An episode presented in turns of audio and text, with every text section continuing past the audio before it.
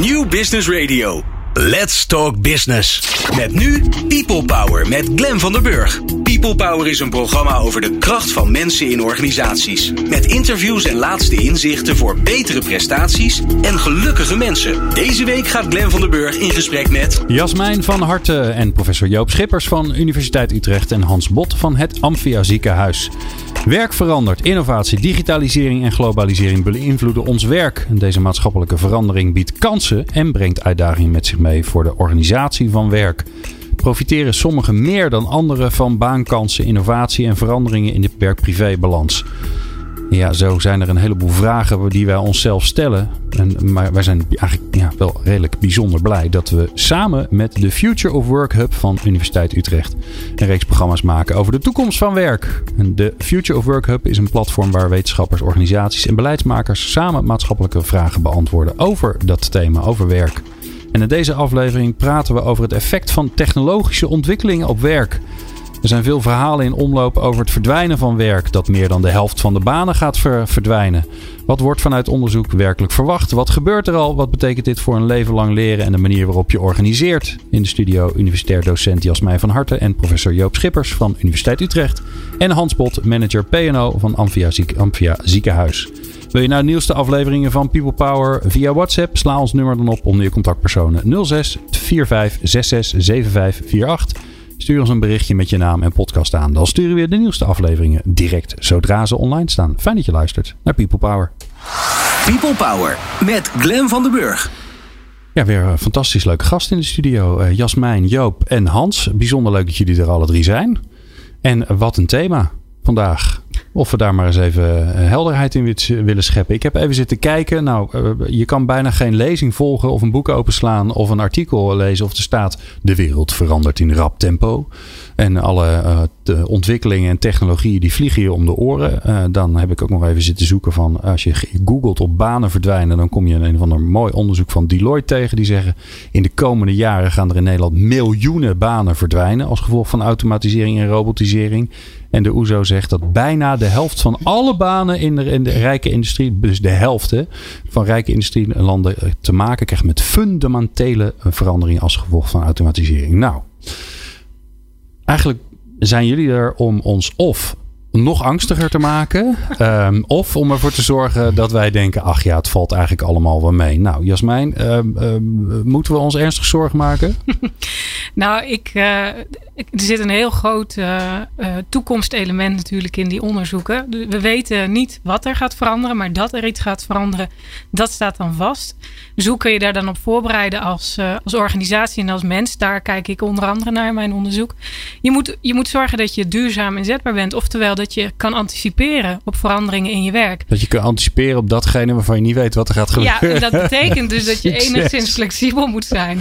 Ja, ja. Um, maar ik vind zelf uh, zeggen van hè, je, je kan niet zeggen dat hele banen gaan verdwijnen, maar dat ze drastisch inhoudelijk zullen gaan veranderen. Uh, zeker wat ik zie in de zorg, waar ik zelf onderzoek heb gedaan. Dat, dat ondervindt men aan de lijve. En ik denk dat Hans daar ook wel iets over kan zeggen. Ik heb bijvoorbeeld uh, een aantal jaar geleden al verpleegkundigen geïnterviewd. En dan vroeg ik, merk je dan nu al dat je werk verandert? En zij zeggen, ja, als ik al drie weken op vakantie ben geweest, is mijn werk al veranderd. Echt waar? Oh, dan heb wow. ik alweer nieuwe protocollen, medicijnprotocollen waar ik me aan moet houden bijvoorbeeld. Dus als ik dat niet bijhoud, kan ik mijn werk niet goed doen. Ja. Hans, ja. jij, jij bent de man van de praktijk. Hè? Jij, jij bent verantwoordelijk voor, voor, ja. voor PNO in een ziekenhuis. Ja. Is dat dan echt zo anders dan 10 of 20 jaar geleden? Ja, ik denk het wel. Ik denk, ik ben het met Jasmijn wel eens dat er een heleboel gaat veranderen. Is, is al bezig eigenlijk. Dat heeft te maken met de technologische ontwikkeling. Dat heeft te maken met de zorgzwaarte. Heel veel uh, zwaardere patiënten komen. Hè? Die komen in het ziekenhuis. De lichtduur uh, is enorm verkort de laatste uh, zeg maar tien jaar. En daarvoor eigenlijk ook al. Uh, betekent dat er in een hele korte tijd eigenlijk heel veel moet gebeuren. En ja, het wordt steeds complexer en ingewikkelder. Ook voor, voor de verpleging, maar ook voor de paramedici, voor de dokters, eigenlijk voor iedereen in het ziekenhuis. Dus er verandert wel degelijk iets. Ja, en, en geef eens een, een, een beeld van, met technologische verandering, daar hebben we het allemaal over. En dan ziet iedereen natuurlijk weer zijn, zijn smartphone veranderen. Ja. Dat is wat iedereen fysiek zit en dat ze kinderen met steeds meer apparatuur rondlopen. Maar hoe ziet dat er in een ziekenhuis uit? Nou, in een ziekenhuis moet je niet vergeten dat heel veel apparatuur wordt steeds ingewikkelder. Je ziet dat verpleegkundigen, met name de wat oudere verpleegkundigen, steeds meer moeite krijgen om dingen te bedienen. Hè? Dus ook de, de, apparatuur te bedienen. Het registreren wordt steeds ingewikkelder. dus kortom, ja, de administratie daaronder, het, het neemt echt toe. En je ziet ook dat mensen daar ja, moeite mee hebben. En dan komt inderdaad die duurzame inzetbaarheid komt aan de orde. En van hoe kunnen we nou, een grote uitdaging ook in, uh, zeker in PNO-land, van uh, in de ziekenhuizen. Uh, hoe kunnen we nou die mensen toch op een goede manier aan het werk houden, zodat het ziekenhuis er wel aan heeft, maar die mensen zelf natuurlijk ook. Ja, voordat we naar de oplossing gaan, Joop, moeten we ons zorgen maken. Al die doemscenario's miljoenen banen gaan verdwijnen door robotisering en automatisering. Uh, de helft van alle banen in de, in de, in de, in de, in de rijke wereld die eh, gaat fundamenteel veranderen. Kun je daar, bedoel, hoe kun je daar, hoe kun je nou zo'n onderzoek gefundeerd en, en ergens op gebaseerd doen? Bedoel, we hebben het over de toekomst. En ja, dus één ding duidelijk over de toekomst. Je, weet niet, je weet niet hoe die wordt. Precies. Uh, maar we kennen gelukkig wel het verleden. Uh, en in het verleden hebben zich toch een heleboel van uh, dit soortzelfde verschijnselen uh, afgespeeld. ik bedoel, de stoker op de trein is verdwenen. het sjouwen met zakken en kratten in de haven is verdwenen. En we weten dus dat dat banen heeft gekost. we weten ook dat banen bij voortduring veranderen. Dus in die zin is dat niet een echt heel nieuw verschijnsel. Je zou hoogstens kunnen zeggen dat het tempo misschien wel omhoog gegaan is. Ik bedoel, die verpleegster die drie weken op vakantie geweest was. Ik bedoel, dat was vroeger misschien, ging misschien iets sneller. Ik bedoel, je ziet maar het... Is, dat is interessant, hè? want jullie zijn van de wetenschap. Mhm. Kijk, um, als we elkaar de continu gaan vertellen dat het allemaal zo snel gaat, dan gaan we er natuurlijk ook met z'n allen in geloven. dus ik vraag me dan altijd af, ja, is het nou echt zo? Of is het een soort ja, creëren we een soort nieuwe werkelijkheid met elkaar. Waarvan zeggen, ja, druk hè, druk. Oh, gaat snel allemaal. Hè? Nou, inderdaad. Nou ja, er zijn een aantal dingen die echt heel snel gaan. Als je ziet uh, de opeenvolgende versies van uh, hoe heet het, nieuwe uh, programma's voor je telefoon of voor je computer.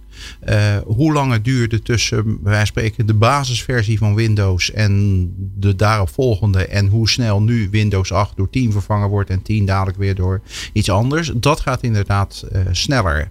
Dat betekent dat je, nou ja, je daar toch eigenlijk elke keer weer aan moet aanpassen. Is het dan ook zo dat daarmee hele productieprocessen wezenlijk veranderen. Nou nee, dat weer niet. Dus er zit veel meer in de, ik zou bijna zeggen, de administratieve schil eromheen. Alle dingen, nou ja, al die hand, dagelijkse handelingetjes die we, die we moeten uh, verrichten met een nieuw wachtwoord eh, en twee stappen identificatie hmm. enzovoorts. Ja, dat, dat kost allemaal, alleen maar meer werk. Dat, nou ja, dat is, nee, maar dat zie je dus dat de afgelopen jaren, ondanks de inzet van allerlei technologie de productiviteit niet heel hard omhoog gegaan is. En dat heeft misschien. Dat is wel shocking, hè? Dat las ik laatst ook. Ja. Dat zeg maar sinds de, de, de intrede van de automatisering dat het eigenlijk niet zo heel veel invloed heeft gehad op onze productiviteit. Dat vond ik wel redelijk, scho schokkend. Ja, en dat, dat voelt wel zo. Nou ja, dat betekent dus dat er een heleboel geld is gaan zitten in uh, dingen waarvan je je afvraagt van, goh, uh, waarom hebben we dat dan eigenlijk gedaan? Zijn we daar echt beter van geworden? Uh, bedoel, ik denk dat wij in de zorg en in het onderwijs in gelijke mate ervaren, maar dat is niet alleen daar, dat is op een ministerie en in een fabriek, is dat ook zo dat je heel veel meer tijd tegenwoordig kwijt bent met, nou ja, wat, wat dan de red tape genoemd wordt. Ja, Allerlei administratie, administratie formulieren die je digitaal moet invullen rapportages enzovoorts. Um, en waarvan je je afvraagt van ja, maar zou ik niet veel beter mijn tijd gewoon aan het primaire proces kunnen besteden? het gekke is, Jasmijn, dat je volgens mij zou dat nou precies iets zijn waarvan niemand het erg vindt dat dat allemaal eh, door uh, artificial intelligence of wat dan ook overgenomen wordt. Ja, ja. dus wat je ook noemt de red tape. Zodra het onnodig wordt ervaren uh, of belastend, dan, uh, dan heb je denk ik een probleem. En, en we zien vooral in die sectoren waar nu ook veel uh, gestaakt wordt in de afgelopen jaren. Dus onderwijs en zorg onder andere, maar ook al politie denk ik. Dat dat nou een van de grote veroorzakers is van werkdruk. Uh, en ook redenen waarom mensen ermee stoppen zelfs en gaan uitstromen. Terwijl die sectoren een enorme grote behoefte hebben aan personeel op dit moment. Ja. En dat zal ook gezien de vergrijzing niet op hele korte termijn gaan veranderen. Uh, dus dat klopt. En er zijn ook wel initiatieven, ook in de zorg. Ik weet niet, misschien is er ook wel in het Amphia ziekenhuis mee geëxperimenteerd. Regelvrije zorg. Dat soort dingen. Hè. Het, uh, in de wijkverpleging is volgens mij vorig jaar uh, gezegd dat de, de vijf minuten registratieplicht wordt afgeschaft. Nou ja, zoiets. Maar alleen dat al, hè? Alleen dat alleen, al. alleen dat, als, je dat, als je dat al uitspreekt, de vijf minuten registratieplicht, dan denk je toch al. Ja, kijk, bij een advocaat snap ik het wel. Die zijn zo duur dat ze elke zes minuten volgens mij bijhouden. Maar verder wordt er natuurlijk nooit iemand gelukkig van. Nee, dat denk ik Die advocaat niet. overigens ook niet. Nee. En als je ook kijkt wat dan de redenen zijn om het in stand te houden, dan zijn die vaak helemaal niet zo heel uh, doelmatig of waardeverhogend, productiviteitsverhogend. Het is allemaal controledrang, dwang en um, ja, misschien, ja, Hans. Ja, Hans. Ja, nou, ik denk in de, in de ziekenhuiszorg waar ik zelf zit, uh, is het uh, natuurlijk wel heel belangrijk dat er kwaliteitscontrole is. En er zijn ook systemen voor, die volgen we allemaal heel netjes. En je kunt zeggen, well, ja, het is misschien een beetje doorgeslagen, een beetje te veel administratieve uh, romslomp.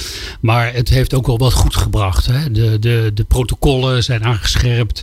En het is beter traceerbaar als er ongelukken gebeuren of als er kleine kleine dingen veranderen, dan, uh, dan is het beter traceerbaar omdat je het geregistreerd hebt. Dus ja. het is misschien een beetje doorgeslagen, maar het heeft ook wel zijn nut. Zeker in de ziekenhuiswereld. Ja, en het gekke is dat, uh, dat uh, we, de burgers, dat allemaal heel logisch vinden. Dat, dat we zeggen, nee, belachelijk dat die mensen in de zorg er zo voorbij moeten houden. En totdat er iets misgaat in een ziekenhuis. En dan moeten er weer nieuwe regels komen. Dus ja. volgens mij hebben we daar zelf ook allemaal een rol in.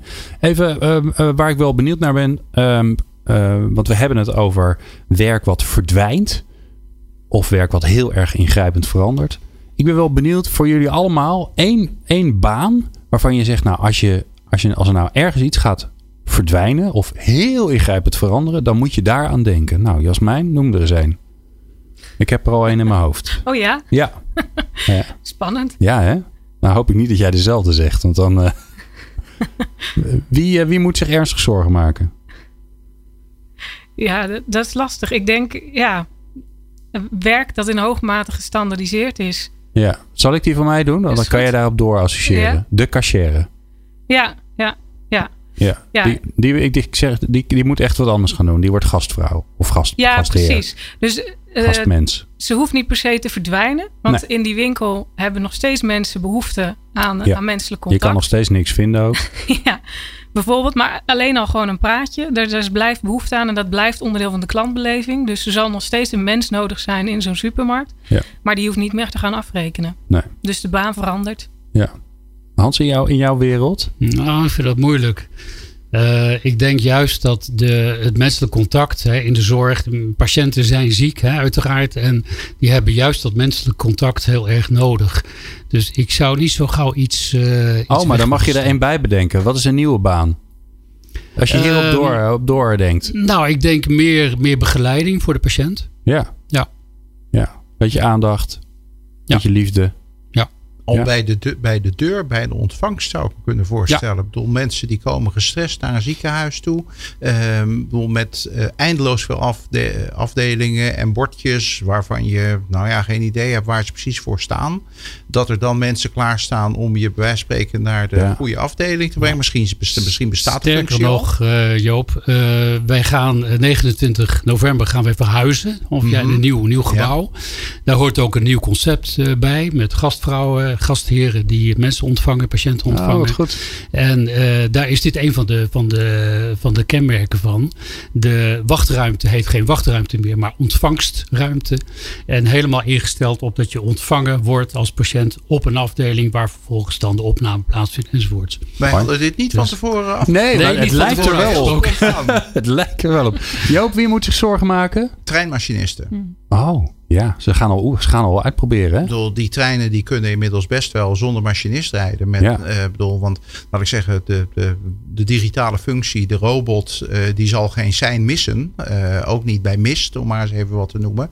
Ehm, dus het is vooral of wij het vertrouwen dat er niemand meer voor in die trein zit.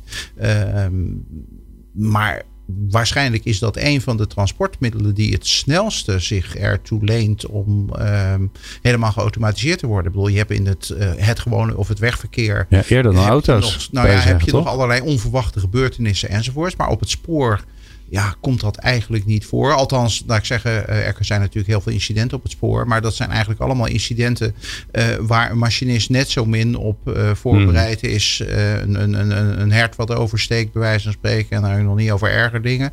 Ehm, dus laat ik zeggen, dat kan een robot ook, ook wel aan. Ja. ja, en dat is ook wel een goed voorbeeld, want een machinist heeft in principe geen direct cliëntcontact. Hè? Dus dat aspect van die menselijke behoefte en menselijk contact zit niet in dat werk. Ja, terwijl die conducteur, waarvan je ook kunt, zou kunnen zeggen: iedereen moet al door een poortje, maar die conducteur zal wel blijven, omdat er gewoon iemand op de trein nodig is. Ja, Vanuit, ja ook vanuit veiligheid. Veiligheid, maar ook: uh, goh, uh, ik mis mijn aansluiting, wat moet ik nu doen? Of ik voel me niet lekker. Ja. En de, de, de, conducteurs die gaan ook heel erg over de cliëntbeleving. Ik hoorde ze het laatst mhm. letterlijk zeggen van... Uh, nu moet je even wat gaan omroepen. De ene conducteur tegen de ander. Want wij moeten nog even aan de cliëntbeleving Zo, dat is ook een woord gewoon wat ze gebruiken. Ja. terwijl dat toch niet echt normaal, normale mensen taal is. We praten zo verder uh, met, uh, met Jasmijn van Harte, Joop Schippers en Hans Bot over dit mooie thema. En dan gaan we kijken, ja, wat, wat kun je er eigenlijk mee in een organisatie? Dat hoor je zo. People Power. Inspirerende gesprekken over de kracht van mensen in organisaties. Met Glen van der Burg. Ja, we praten over um, uh, de invloed van alle ontwikkelingen in de wereld op, uh, op werk. En of werk nou gaat verdwijnen of werk ingrijpend gaat veranderen. Een van de dingen die ik wel uh, opvallend vind, en ik heb het daar volgens mij zelfs ook in een, in eerdere aflevering met, met onze minister Wouter Koolmees over gehad, is dat we weten dat er heel veel gaat veranderen. We weten ook dat dat invloed gaat hebben. Nou ja, uh, noemde het zelf even de treinmachinist. Hè? We weten dat die, ja, die, die, daar kun je, eh, zelfs als je er niet voor doorgeleerd hebt, kun je voorspellen dat dat langzaamaan gaat verdwijnen. En zo zijn er nog wel uh, banen waarvan we dat weten. De hele administratieve host hebben we natuurlijk eigenlijk al gehad. Hè? Dat, dat heeft heel veel banen gekost in, ehm, in de financiële sector. We doen daar niks collectiefs aan volgens mij. Of, of zie ik het gewoon niet? Joop? Nou ja, er zijn bedrijven die ermee bezig zijn. Uh, bijvoorbeeld de Belastingdienst, die heeft een paar jaar geleden zo'n plan gemaakt om uh, te kijken of ze mensen kwijt zouden kunnen raken. Vervolgens gingen het verkeerde mensen weg. Ja, uh, waren ineens heel veel kwijt. Dol. En uh, nou ja, onze eigen universiteit heeft ook een plan gemaakt voor de mensen van het uh, administratief servicecentrum. Dat zijn de mensen die nu nog uh, de bonnetjes verwerken die wij inleveren als we naar een congres geweest zijn of iets van die aard. Maar dat daar structureel in de samenleving ook iets aan gedaan wordt en mee gebeurt, dat is eigenlijk niet of nauwelijks het geval. Er is wel twee jaar geleden een rapport verschenen, toen nog op ehm, uh, instigatie van minister Bussemaker, de minister van Onderwijs, uh, over uh, leven lang leren voor MBO'ers.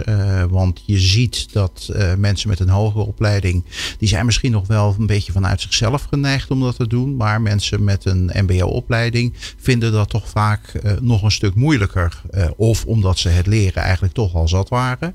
Of omdat ze het heel ingewikkeld vinden om te bepalen wat ze dan eventueel zouden moeten gaan leren. Dat, dan zijn ze wel van goede wil. Maar ja, er is nergens een catalogus of een school die zegt van uh, je nou, zou sterker dit nog, kunnen doen. Uh, ze hebben het idee dat ze naar school moeten als ze daarover Precies, na gaan denken. Ja, ja, dat is nou, ja, dat, eerlijk gezegd, daar zou ik ook niet zoveel aan moeten denken. Nee. Nee. Nee, bij jullie wel, maar. Nee, maar dat, maar dat is dus, uh, hoe heet het, uh, in die sector is dat, is dat duidelijk een probleem. En daar is toen ook afgesproken van nou, dat moeten uh, werkgevers en werknemers samen ook doen. Want veel van dat leren, dat zal toch meer on the job learning moeten zijn. Maar heel veel organisaties hebben vanaf de jaren negentig wat ze op dit terrein hadden, langzamerhand ingekrompen. Gelukkig zijn er ook wel weer bedrijven die opnieuw met bedrijfsscholen en dat soort, dat soort dingen in de weer gaan.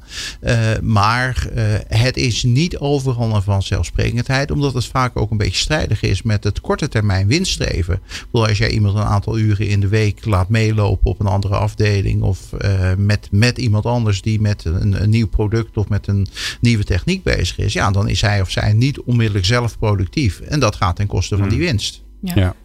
Ja, en ik denk dat het dus. Ik ben het eens met Joop. En in aanvulling daarop, als je meer op individueel uh, relatie tussen de werkgever en de, en de werknemer, of direct leidinggevende en werknemer kijkt, daar zitten ook allerlei verklaringen voor dat dit niet gebeurt.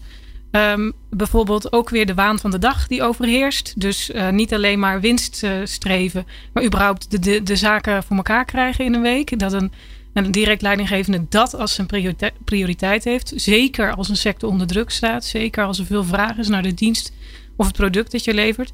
Ehm, maar ook dat het uh, niet makkelijk is om dat te bespreken met een werknemer. je moet daar ook bepaalde vaardigheden voor hebben die je niet per se hebt als je op zo'n positie bent gekomen. In, de, in, dus in veel publieke sectoren zie je dat de beste professionals zijn doorgegroeid naar een leidinggevende positie. Maar dat betekent niet per se dat het ook goede ja. leidinggevenden zijn. En daar worden ze wel weer in getraind. Uh, maar dat is ook natuurlijk wel een vaardigheid om mensen te kunnen coachen in ontwikkeling en te kunnen accepteren. Van misschien betekent dat ze over vijf jaar uh, ergens anders gaan werken. Nou ja, het ingewikkelde voor een leidinggevende is volgens mij dat je uh, gaat gesprek aan waarbij je zegt: Nou, het zou best kunnen dat je baan op termijn niet meer bestaat. ja, in, in, het, in het beste geval gaan ze aan de slag en zijn ze weg voordat het gebeurd is en heb je alsnog een probleem. Want ja, op termijn is niet vandaag. Nee. En in het slechtste geval uh, schrikken ze zich helemaal rot en, uh, en gaan ze angstig in een hoekje zitten. Um, maar dat lijkt me, juist daarom vind ik het raar, of verbaas ik me daarover, dat er niet, ja, dat er niet een soort, uh, soort deltaplan is van jongens, weet je, we gaan het eens even goed in kaart brengen. En naast al die lijstjes die je rond ziet gaan waarvan je denkt, ja, hoe, hoe goed is dit nou echt onderzocht? Maar dat je een soort deltaplan hebt waar je zegt, nou, we gaan even goed in kaart brengen. Welke banen zijn er dan in gevaar? We weten ongeveer wel wie dat zijn, wie dat werk hebben. En dan gaan we daar specifiek op gaan we actie ondernemen. En want er zijn natuurlijk ook heel veel, is ook heel veel werk waar niks aan de hand is. Ja, maar dat is het dus niet. Ja, uh, dat woord Deltaplan, dat heb ik zelf letterlijk oh. uh, eind vorig deze, van het vorige decennium alles gebruikt als het uh, over, over dit onderwerp gaat. En het heeft mij bijvoorbeeld heel erg verbaasd dat toen we in 2006, 2007 een paar jaar echt de nullijn hadden op het terrein van de, van de lonen. en daar waren op zich, nou ja, ik zeg best argumenten voor te verzinnen. ook niet onomstreden. Maar goed, dat, dat, dat was een heel andere discussie. Maar dat toen de vakbonden niet tegelijkertijd daar de eis aan gekoppeld hebben. Oké, dan blijft er nu heel veel geld zitten in het bedrijfsleven. Dat is mooi. Maar daar moet wel iets terugkomen op het punt van uh, juist dat leven lang leren. En we hebben ook de, in allerlei sectoren. Um, uh, ontwikkelingsfondsen, onderwijs- en ontwikkelingsfondsen. Uh, die heel veel geld hebben. En die, waarvan er een heleboel heel veel geld hebben. En waarvan het toch, uh, niet overal, er zijn ook hele goede uitzonderingen. maar waar het heel moeilijk is om dat geld er ook uit te krijgen. En terwijl je juist zou zeggen voor al dit soort dingen. Dan gaat het dus over de bedrijfstak als geheel. En dan betekent dat als je, ik zal maar zeggen, in het ene metaalbedrijf mensen iets leert. Dan profiteert daar op zijn minst het andere metaal metaalbedrijf van. En dan kun jij hopelijk weer profiteren van wat mensen elders hebben, uh, hebben geleerd. Maar het is, het is vooral een kwestie van dat die cultuur niet bestaat. Bedoel, de, uh, de randvoorwaarden zijn ook niet goed geregeld, maar de cultuur bestaat ook niet. De het cultuur van, van, blij, van dat doen. Bedoel, blijven leren. Wij vertellen niet op een verjaardagsfeestje tegen elkaar van, oh weet je wat, ik, ik ben nou laatst naar zo'n leuke cursus geweest. Ja. Nee, we vertellen wel hoe ver we gevlogen hebben. Uh, maar zo van, nou, ongewest gedrag. Tegenwoordig nee, okay. ook niet meer hoor. Uh, maar ik bedoel, dat soort dingen, dat is heel lang is dat, is dat een item geweest. Maar ja. het, het feit van, uh, dat, je, dat mensen het belangrijk vinden. En dat ze zich er dus ook op laten voorstaan dat ze er weer iets bij geleerd hebben. Dat zit niet in onze cultuur. Ja. Nou, laten we die stap dan eens maken. Hoe, hoe gaan we daarvoor zorgen? En, en, dat is mooi. We hebben een praktijkcase aan tafel uh, met het Amphia ziekenhuis. Nou, Hans. Ja, ik denk Hoeveel, dat... Even, even, even de kader schetsen. Hoeveel mensen werken er bij jouw ziekenhuis? Uh, 4.500. Nou, dat is veel. Ja. Dus een grote organisatie. Nou, uh, van harte gefeliciteerd. U bent verantwoordelijk voor HR. Dus iedereen, op het moment dat het gaat over uh, een leven lang leren, gaat iedereen jou aan zitten kijken, Hans. En je team ja. natuurlijk. Niet helemaal terecht, want uiteindelijk is het natuurlijk een gedeelde verantwoordelijkheid. Maar ja, het ligt toch ja, voor een deel bij jou. We hebben ook een aparte academie hè, voor het oh, onderwijs. Kijk. Dus dat, uh, je moet niet vergeten dat in de zorg, zeker in het ziekenhuis, uh, wordt er heel veel geleerd. Hè. De mensen moeten allemaal hun vak bijhouden. Dat heeft ook te maken met de BIG-registratie. Dus dat is allemaal uh, goed Ja, dat is wel interessant. Hè, want daar kunnen anderen van leren. Help ons even de BIG-registratie in twee zinnen. Wat is dat? Dat is een registratie van alle verpleegkundigen, maar ook de artsen. Die zijn geregistreerd in een BIG-register. Dat is een officiële wet. En uh, daar moet men in geregistreerd zijn om het uh, vak te kunnen uitoefenen. En daar hoort ook een bekwaamheidstoets bij om de zoveel jaar. Ja, en je moet, moet je ook nog je punten halen? Ja. Ja, hè? elk jaar toch? Uh, ja. ja. ja. Dat is wel interessant. Dat klinkt niet, namelijk, als je dat, stel je voor nou dat je dat invoert in een andere, andere sector waar ze dat niet kennen. Dan krijg je natuurlijk, hè, dan krijg je opstand. Dat is vreselijk. Maar het werkt wel. Het werkt wel, ja. Ja. ja. En dus ja, maar wat ik wil zeggen, dat is dat, dat uh, in de ziekenhuiswereld is het toch vrij uh, gebruikelijk dat men leert. Hè? Dus het, het leren, bijleren, bij, bijscholen. En dat heeft ook te maken met de toenemende specialisaties in, uh, in een ziekenhuis. En dat vind je in de hele zorg eigenlijk. Dat zowel specialisten zich specialiseren in allerlei subspecialismen, maar ook de verpleegkundigen. We hebben een heleboel soorten verpleegkundigen. Hè. De algemene verpleegkundige, ja, dat is eigenlijk de, de, de verpleegkundige die overal inzetbaar is. Maar er zijn gespecialiseerd verpleegkundigen, er zijn verpleegkundige specialisten. Er zijn allemaal verschillende soorten. En die moeten allemaal gekoppeld aan dat leren. Dus het leren is wel iets wat, wat gebruikelijk is in, uh, in de ziekenhuiswereld. Wat overigens niet gebruikelijk is, en dat is eigenlijk heel jammer. Dat is dat uh, het hele vak uh, van verpleegkundigen, van eigenlijk alle, alle ziekenhuismedewerkers, is voortdurend in beweging. We hebben het net even gehad over de, de leidinggevende. Je ziet een, een toenemende uh, focus eigenlijk op het proces. Dus niet alleen de verschillende beroepsgroepen die allerlei dingen doen, verpleegkundigen, paramedici enzovoorts, maar ook het proces moet gestuurd worden. Alvia is uh, na de verhuizing gaat het met een aantal themagerichte grote organisatieeenheden werken. Dus bijvoorbeeld oncologie, vrouw, moeder, kind, hart en vaten. En dat betekent dus dat je eigenlijk binnen zo'n toren, noemen wij dat, uh, eigenlijk ja, een heel proces moet sturen waarin al die verschillende disciplines goed op elkaar ingespeeld zijn. Met uiteindelijk dan veel meer de, de, de vraag van de patiënt of de, ja, de nood. dat is heel duidelijk van vanuit de de patiënt, patiënt, vanuit de patiëntbehoefte uh, geredeneerd. Ja. En dat betekent nogal wat organisatietalent. En daar moet je ook in leren. Ja. Dus Ja, ja, wat wij heel graag willen, hè, dat, is, dat komt nu een beetje op gang. Dat is dat leidinggevenden van hoog en laag niveau uh, helemaal getraind worden in het leren uh, sturen van die primaire processen. Ja, maar ik kan En me dat ook voorstellen dat het vraagt ook wat voor de mensen die daar hebben. Die- Want het is anders samenwerken. Dat is, eh, Ja. hè, want ik, ik hoor jou zeggen eigenlijk die, die vakmatige, dat vakmatig leren echt op inhoud. Dat is allemaal zit er wel in. En dat, daar, daar helpt zo'n dus zo'n zo'n structuur en een beetje dwang. Dat helpt wel. Ja. Ehm, maar dat andere leren, misschien meer het, het interpersoonlijke, het, het persoonlijke van wie, ben- wie ben ik eigenlijk. Ja. Dat zit er nog niet in. Nee, Ehm Jasmijn, wa- wat kunnen andere sectoren leren hiervan? Want het is natuurlijk wel grappig dat zo'n ja, zo'n zo'n toch een beetje dwang wat in die structuur Mhm. zit. Nou, volgens mij in de vorige kabinetsperiode is het woord lerarenregister wel eens gevallen. Eh, dat, dat is, lijkt een beetje op dit WIG-register, maar dat, dat, nou, je had het net over weerstand. Dat riep enorm veel weerstand op. Onder eh, docenten die, die vinden, ik ben de professional en ik kan heel goed zelf bepalen wat mijn leerlingen nodig hebben. Dus hoezo moet ik dat nu weer gaan registreren? Nou, als je het hebt over onnodige bureaucratie, hè, dan. Ja. eh, dus eh, zoiets in een andere sector zetten is best wel lastig. Dan moet er eerst, denk ik, een, een professionaliseringscultuur ook zijn. En, en moeten er ook wel wat goede voorbeelden van organisaties zijn. Eh, maar in principe wil eh, het onderwijs wil hetzelfde als, als de zorg. Dat medewerkers zichzelf als professional zien. En dat betekent dat je niet alleen maar in je vak, in je expertise bekwaamt. Maar ook in de meer soft skills. Ook weer met het oog op die toekomst. Want als je, hoe verder je specialiseert in dat vak, ook al als verpleegkundige, hoe, hoe, meer je in een fuik raakt. En eh, ja, zeker in de zorg is dat gewoon heel gevaarlijk. Als, als je baan op de tocht staat, Ja, ja. Dan, dan kan je niks anders. Want kun je, kunnen we, eh, want ik zit, even, ik zit er ook even voor mijzelf te bedenken. Hè. Kijk, ik, ik werk heel veel met klanten. En in dat contact met klanten krijg ik altijd heel snel feedback terug. Van ja, weet je, snap je eigenlijk nog wel hoe de wereld in elkaar zit? En ben je nog up-to-date? En, eh, en eh, dan hoor ik bijvoorbeeld, nou, een paar jaar geleden hoorde je heel veel agile en scrum. Nou, ondertussen is dat doodnormaal. Maar ik hoor dat dan drie keer langskomen in drie gesprekken. En denk, hé, hey, wacht eens even. Dan moet ik dus dat boek gaan lezen. Want anders dan ben ik niet meer bij. Ja, dus jij krijgt feedback van de cliënt. Ja. En dat zorgt ervoor dat jij. En hier is het leren. Ja, dus mijn, ik, eh, nou laat ik het in de vraag verpakken. Hebben wij dat nodig? Hebben wij zo'n prikkel van buiten ook nodig? Ja.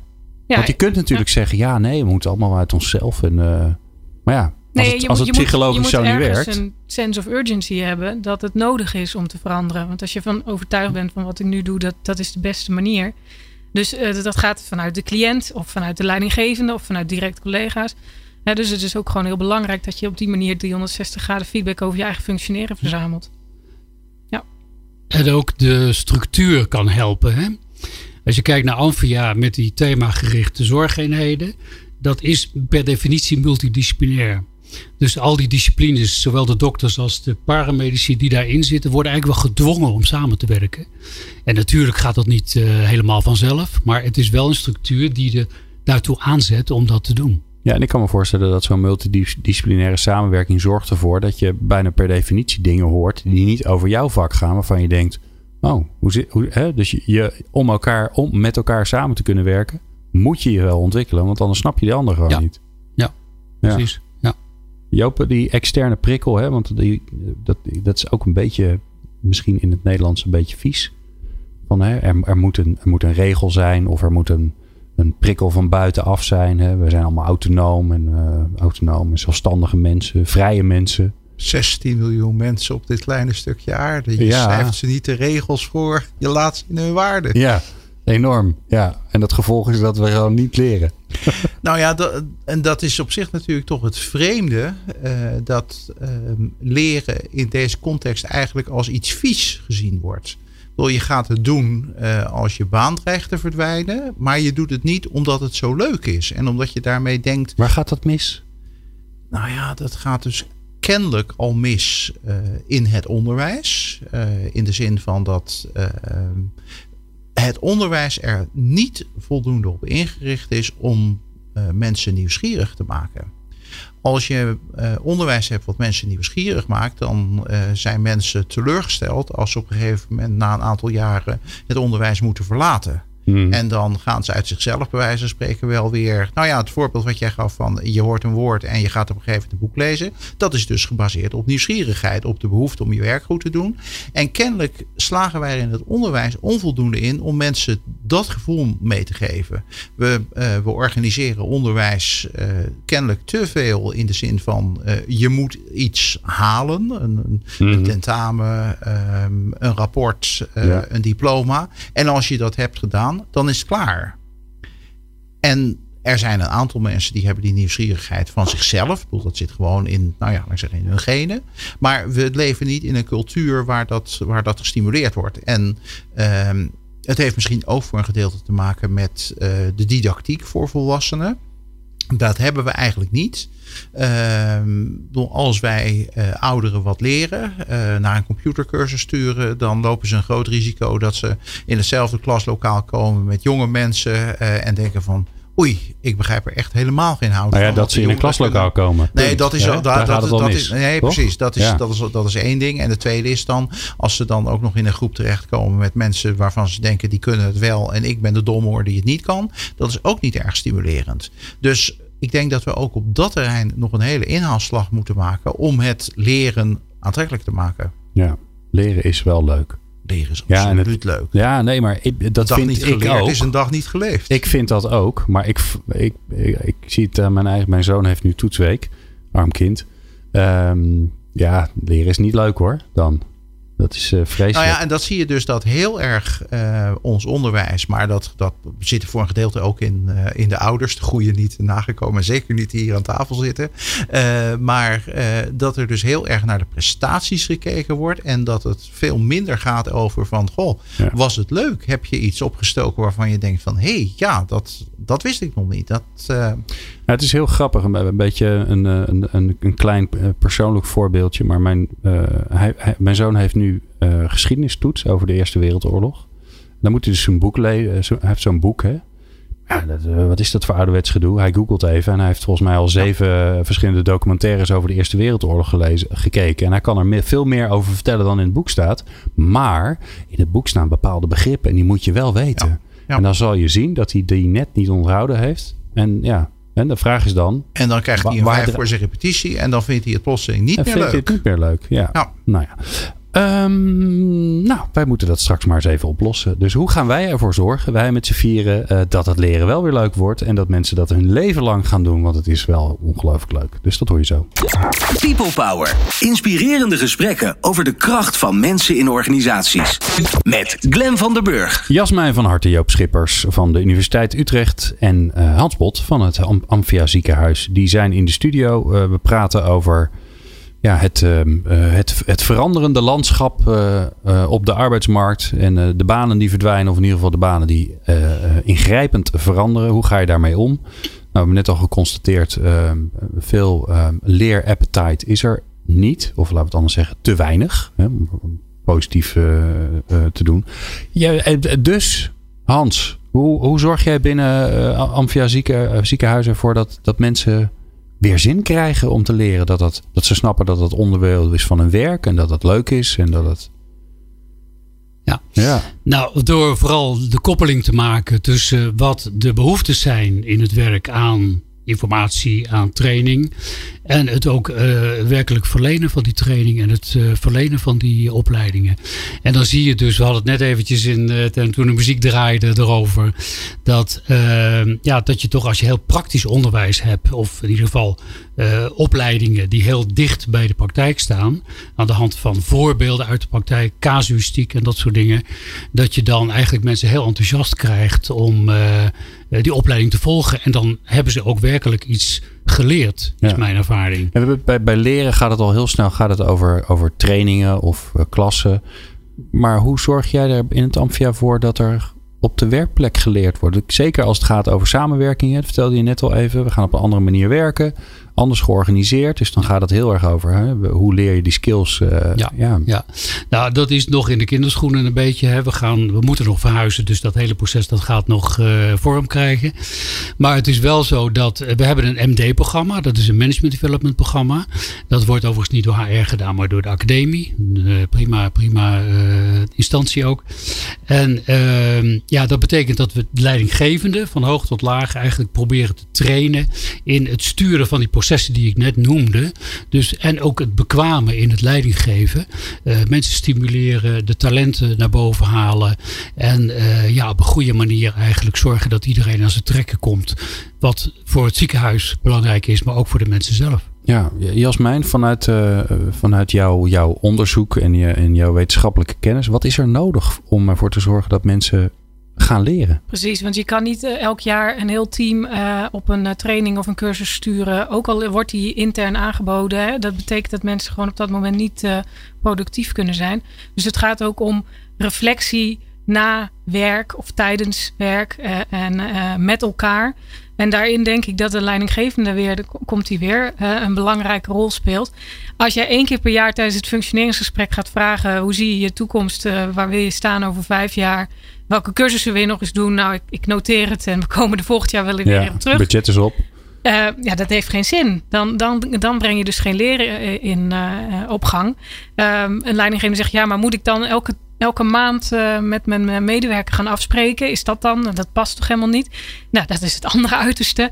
Maar je moet er dus voor zorgen dat het in het team normaal wordt. Dat mensen bij een teambespreking of als ze het over een bepaalde taak hebben, dat ze reflecteren op hoe ging dit nou? Eh, geef me eens feedback. Uh, uh, dat dus op een, uh, daar goed mee kunnen omgaan. Dat dat op een niet bedreigende manier wordt geuit, maar op een positieve manier. en dat het dus onderdeel wordt van je werk in plaats van iets extra's of iets wat je erbuiten doet in een klaslokaal. en ik, ik denk dat een leidinggevende daarin een soort vliegwielfunctie kan gaan, gaan daaraan kan geven. Iemand moet het beginnen. Of je, hè, je zorgt ervoor dat mensen die daar heel bekwaam in zijn, dat zij de rest gaan trainen erin.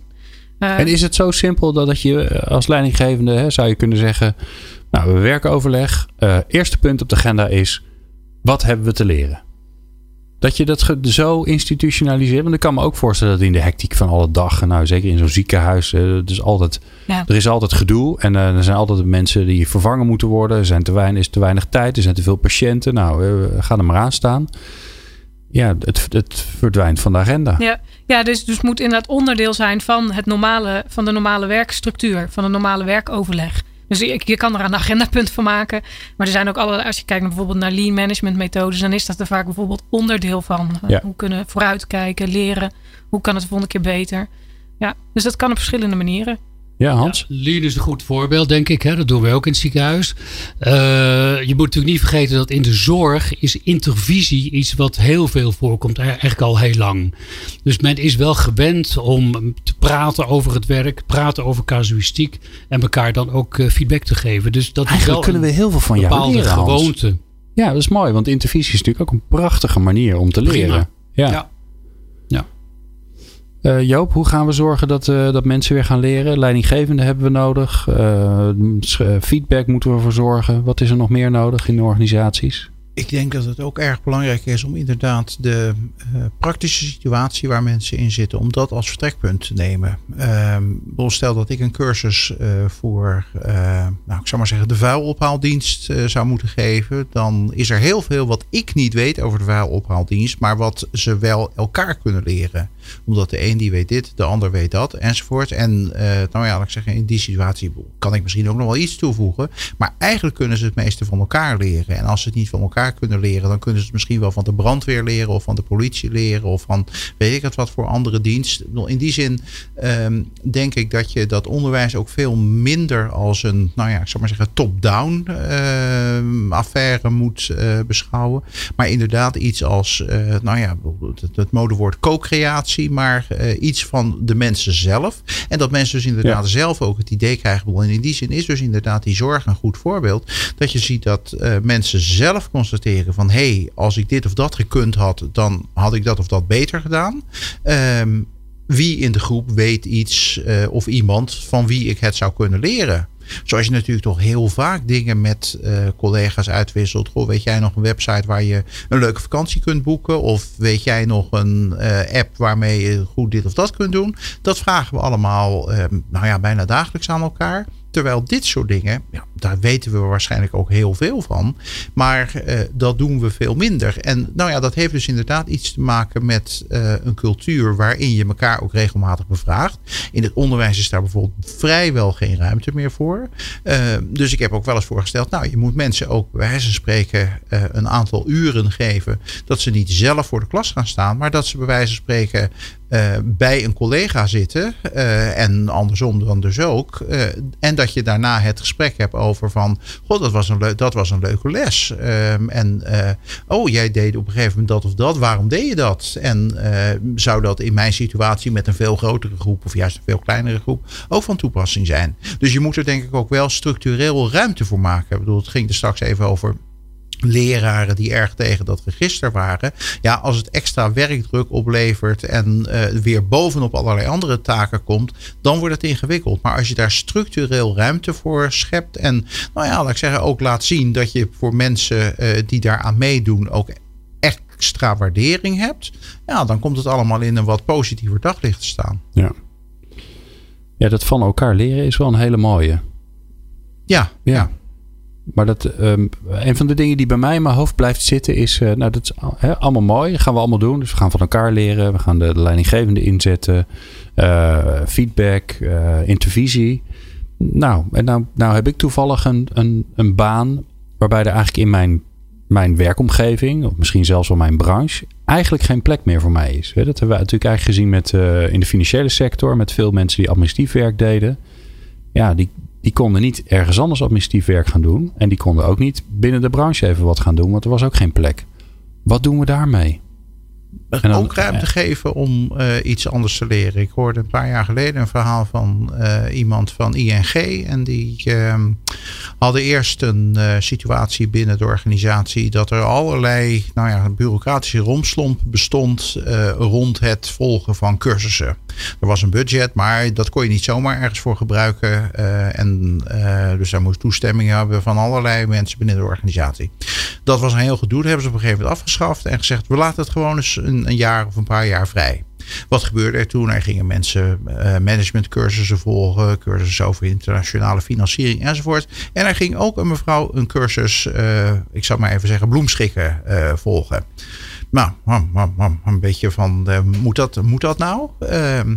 Ehm, en die mevrouw die is uh, na anderhalf jaar uh, is ze bij ING vertrokken en is een bloemenwinkel begonnen. Ja. Dus die mevrouw die had verdraaid goed door waarom ze dat deed. Uh, heeft dat geld dus eigenlijk ook op een heel verantwoorde manier gebruikt. Want misschien was het wel zo gegaan dat als ze was gebleven dat ze op een zijspoor be beland was. ziek, burn-out, weet ik het wat geworden. Dus aan de ene kant heeft het ING wat gekost. Maar aan de andere kant zijn ze ook op een keurige, clean manier van die mevrouw afgekomen. En die mevrouw spreekt er bij wijze van spreken nu nog lof van dat ze dat heeft kunnen ja, doen. Ik wou net zeggen, die is ING haar leven lang dankbaar. Precies. Ja, en waarschijnlijk klant geworden. Dat is heel goed mogelijk. Dan kon ze natuurlijk wel even financiering regelen voor de bloemenwinkel. ja. ja. Jasmijn, wat, uh, als het zo complex is. Hè? Dus, je, dus het werk verdwijnt en binnen je eigen club gaat het niet worden. Ja, nee, dus het, het leren moet niet alleen maar vakgerelateerd zijn. En je moet inderdaad, de, als je dat uh, gaat, gaat, gaat uh, institutionaliseren, moet je, moet je de ruimte geven voor brede persoonlijke ontwikkeling. En dat, uh, kijk, die mevrouw die Joop als voorbeeld gebruikt, die wist heel goed wat ze wilde. Maar je hebt natuurlijk ook nog een situatie dat mensen zeggen: Ik wil Geen gewoon idee. dit Ja. en anders niks. Ja. Uh, dus die moeten ook op een andere manier worden geprikkeld. En dat zijn, dat zijn hele lastige situaties en hele lastige cases, denk ik. Waar je als leidinggevende zelf niet per se uitkomt. Dus hulp van, van een HR-professional is dan nodig. Ja, dan komt Hans, Ja, die komt ik, helpen. ik denk dat op een gegeven moment moet het ook maar duidelijk worden. Ja. Als er geen baan meer is voor mensen, ja, Ja. dan zullen ze wel moeten. Ja. Dat klinkt niet aardig, maar dat is wel de realiteit. Zijn we daar te soft in, Hans? Moeten we daar gewoon duidelijk in zijn? Ja, ik weet niet of we de, we te soft zijn, maar ik vind dat je daar sowieso duidelijk in Het moet is natuurlijk zijn. gewoon een rotboodschap. En, ja, Jij hebt natuurlijk. straks geen werk meer. Dat is natuurlijk een vreselijke dat boodschap. is een hele vervelende boodschap, ja. Ja. Maar het is wel reëel. En eh, dan moet je ook iets bieden, vind ik, als werkgever. Precies. Dan kan het inderdaad eh, de bloemschikcursus Maar denk je niet dat veel werkgevers de angst hebben? Oh jee, ik zeg dat maar niet, want eh, ik heb nog niet alles klaar. Want dan Dat, gaat iemand zich ziek melden en dan kan ik niks meer. Dat en zal ongetwijfeld gebeuren, ja. Ja. ja. Maar dat is niet goed. Maar Nee, je, kunt ook op, nee. je kunt ook op tijd beginnen. Ik bedoel, ik noemde er net eh, dat voorbeeld van het administratief servicecentrum van de universiteit. Daar is tegen de mensen gezegd eh, van zo omstreeks 2025 eh, is de kans heel groot dat jullie banen er niet meer zullen zijn. Dat we gewoon geen, geen werk meer in dit veld hebben. Daar zijn we twee, drie jaar geleden al over begonnen. Vanuit het perspectief, oké, dan gaan we, gaan we nu samen, en wij zijn daar als organisatie ook verantwoordelijk voor, eh, een traject in waar we gaan kijken van wat zou een alternatief kunnen zijn. Dan praten we dus over een, een termijn van eh, een kleine tien jaar, zeg maar even acht jaar. Ja. Eh, en er is ruimte om cursussen te volgen, er is ruimte om, wij spreken via stages mee Maar die te tijd heb je eigenlijk nodig. Zo Precies, lang. ik bedoel, dan gaat Ja. het dus nog niet over eh, je baan verdwijnt morgen eh, of overmorgen. En natuurlijk, maar als mensen dat te horen krijgen, dan is het even schrikken. Maar in eh, acht jaar kun je ook wel weer van die schrik bekomen en, Ja, eh, en iets hopen, nieuws ja. opbouwen. Ja. Mooi voorbeeld. Ehm, ik dank jullie zeer, Jasmijn van Harten en Joop Schippers van Universiteit Utrecht en Hans Bot van het Amphia Ziekenhuis. Dank jullie wel dat jullie eh, ja, wilden delen over dit zeer belangrijke, edoch ook soms wat complexe vraagstuk. Maar volgens mij zijn we weer een stap verder eh, gega- ge- ge- gegaan. Volgende maand, eh, Joop, ik kijk even naar jou. Ja, volgens mij ja. ben jij volgende maand weer. Ehm, gaan we het in eh, de Future of Work hebben over ouderen. Zo is het. Ja, heel belangrijk onderwerp. Dat hoor je volgende maand. Voor nu eh, dank voor jullie. Eh, wij gaan zo gezellig nog een uurtje door. Want eh, Jeroen Buescher is weer te gast voor People Power Change. En eh, zijn gast is Bart Huve. En die heeft heel veel verstand van gamification. En dat hoor je eh, in de volgende aflevering van People Power. Fijn dat je luisterde. Meepraten of meer programma's? people-power.nl